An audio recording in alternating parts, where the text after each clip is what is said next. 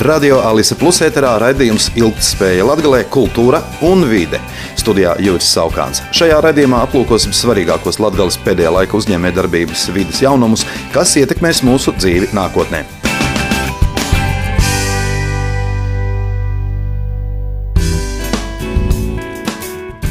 Novembrī Latvijas speciālās ekonomiskās zonas pārvalde noslēgusi apjomīgāko investīciju līgumu tās pastāvēšanas vēsturē. Par šo faktu žurnālistus informēja Latvijas sēdes pārstāve Arnita Aleksejeva. Latvijas sēdes pārvalde lēmusi atbalstīt investīciju projektus par kopējo summu, kas pārsniedz 26 miljonus eiro. Konkrētāk, SIA Light Guide Optics International investīciju projektu īstenošanai Latvijas SEZ teritorijā plāno veikt ieguldījumus gandrīz 25 miljonu eiro apmērā. Rezultātā plānots izveidot vismaz 20 jaunas darba vietas. Projekta realizācija iecerēta no šā gada 1. decembra līdz 2025. gada 30. decembrim. Mērķis - palielināt medicīnas kūļu jeb katetru ražošanas apjomus, pielāgot telpas to ražošanas procesa nodrošināšanai un atbilstību medicīnas produktu ražošanas standartiem, kā arī, protams, iegādāties jaunas tehnoloģiskās iekārtas. Savukārt sabiedrība Pulsar Optics plāno realizēt jau trešo ieguldījumu projektu par 1,7 miljoniem eiro, ko īstenos no šā gada 15. novembra līdz nākamā gada 31. decembrim. Sijā Pulsar Optics ir Lietuvas augsto tehnoloģiju uzņēmuma Yukon Advanced Optics Worldwide meitas uzņēmums un viens no augsto tehnoloģiju Eiropas uzņēmumu grupas dalībniekiem. Tas ražo optiskos instrumentus un fotoaparatūru, bet Latvijas SEZ statusu ieguva tikai šā gada maijā. Neskatoties uz šo faktu, jau šobrīd Pulsar Optics veic apjomīgas investīcijas gan pamatlīdzekļos, gan paredzamo algu izmaksās un veido arī jaunas darba vietas. Viens no uzņēmuma attīstības mērķiem ir pilna cikla ražošanas nodrošināšana Daugopilī. Jaunā ieguldījumu projekta rezultātā plānots izveidot vismaz 50 jaunas darba vietas. Kopumā, kā norāda Sijā Pulsāra optikas valdes priekšsēdētājs Viktors Smirnovs, realizējot trīs ieguldījumu projektus, uzņēmums plāno veikt investīcijas ap 6,5 miljoniem eiro. Latvijas SEZ uzraudzības komisijas sēdes dienas kārtībā bija arī kapitāla sabiedrības SIA SMD Baltica investīciju projekta izskatīšana. Uzņēmums projektā veicis ieguldījumus pamatlīdzekļos 45,050 eiro apmērā, lai uzlabotu ražošanas produktivitāti un kvalitāti, kā arī paaugstinātu konkurētspēju. SIA SMD Baltica ir Latvijas SEZ kapitāla sabiedrība jau kopš 2019. gada un ir viens no Latvijas SEZ aktīvākajiem uzņēmumiem. Šobrīd uzņēmums īsteno jau 11. investīciju projektu.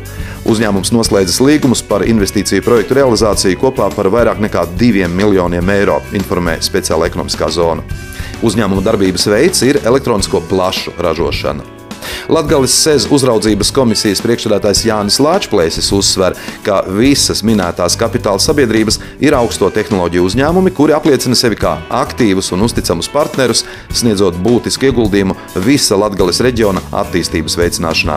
Jāatzīmē, ka Latvijas SEZ savas pastāvēšanas laikā ir noslēgusi 50 investīciju līgumus par 61,39 miljoniem eiro, paredzot izveidot vismaz 473 jaunas darba vietas.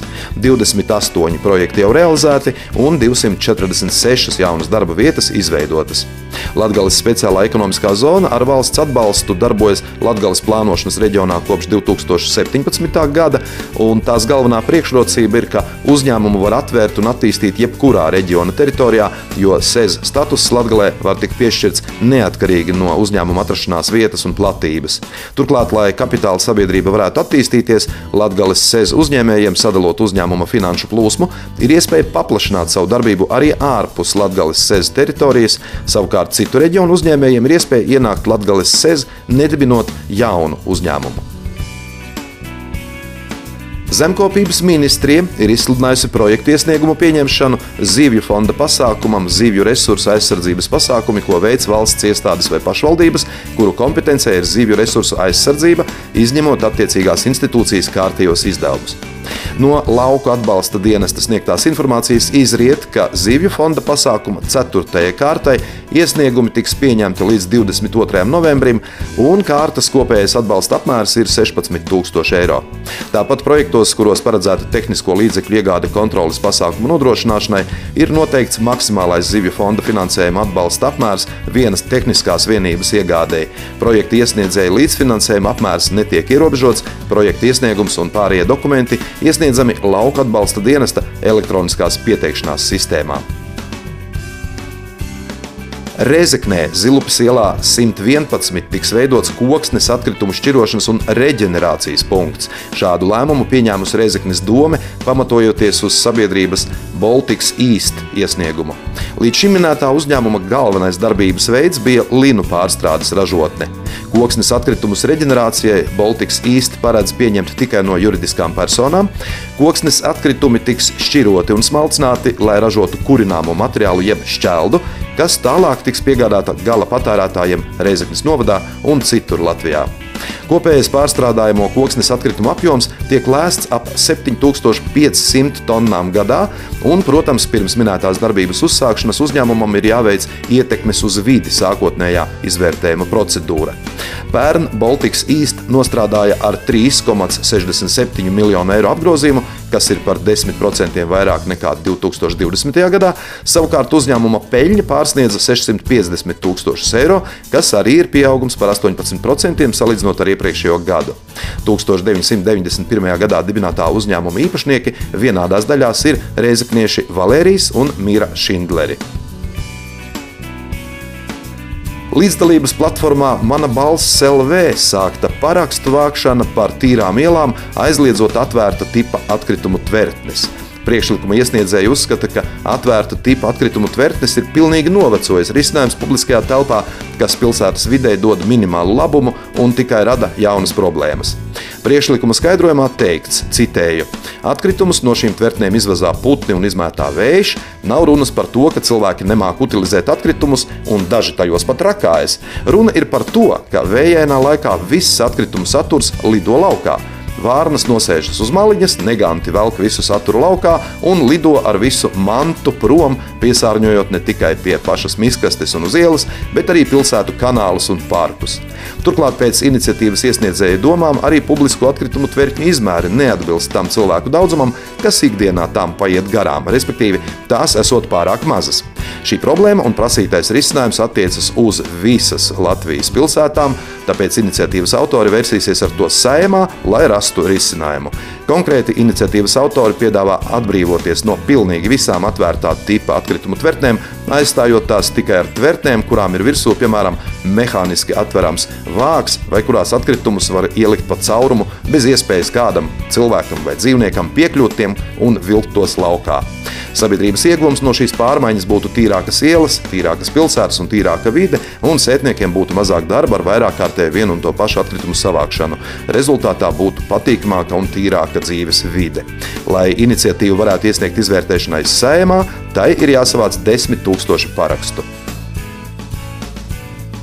No 2025. gada Eiropas Savienības dalību valstīm, tajā skaitā Latvijai, būs jāšķiro arī apģērbs un tekstilu izstrādājumi. To nosaka Eiropas direktīva.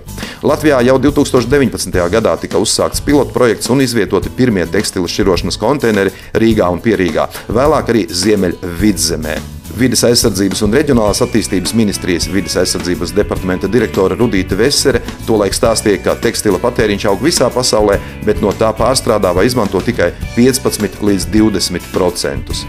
Liela daļa cilvēku, apmēram 30% no apģērba, kas stāv skapī, nevelk. Tekstilu šķirošanas konteineri ieplānoti Jelgavā, Liepājā, Saldū, Bauskā un Daugaupilī. Vides apsaimniekošanas uzņēmuma Eko Baltija vide savukārt valdes priekšsēdētājs Jānis Aizbalts pastāstīja, ka šogad līdz jūlijam iedzīvotāji nodevuši jau 433 tonnas tekstilu izstrādājumu, un tas ir gandrīz tikpat daudz, cik visa pagājušā gada laikā savāktais. Līdz ar jauniem konteineriem tekstilu šķirošana kļūs pieejamāka daudz lielākai sabiedrības daļai. Plānot arī sadarbība ar atkritumu apsaimniekotāju Clean Air, kas iedzīvotājiem papildus nodrošinās vēl 22 tekstilu šķirošanas konteinerus.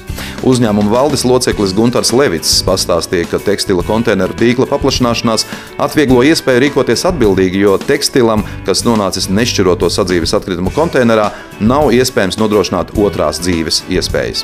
Ir ļoti svarīgi tekstilu nemest parastajā atkrituma konteinerā, bet gan tam speciāli paredzētajos. Turklāt tekstila īpatnība ir tāda, ja to izmet parastā nešķiroto sadzīves atkritumu konteinerā, ar to īsti neko izdarīt nevar. Nevar ne pārstrādāt, ne nodot sadedzināšanai, ne arī atšķirot. Tāpēc tekstila šķirošana ir būtisks priekšnosacījums tam, lai Latvijā nebūtu jādomā par jaunu poligonu izveidi un lai poligoni piepildītos lēnāk nekā tas notiek, norādīja Levits. Viņš arī skaidroja, ka tekstila šķirošanas konteineros drīkst mest lietot apģērbu, apavus un citus tekstilu izstrādājumus, taču šajos konteineros nedrīkst mest apģērbu, kas vispār nav lietojams. Piemēram, tekstilu izstrādājumus, kas izmantoti kā grīdas lupatas, jo tiem otro dzīvi, diemžēl, piešķirt nevar. Raidījumi Ilgtspēja Latvijā, Kultūra un vide to par Sabiedrības integrācijas fonda atbalstu Radio Alise Plus studijām bija Juris Saukāns.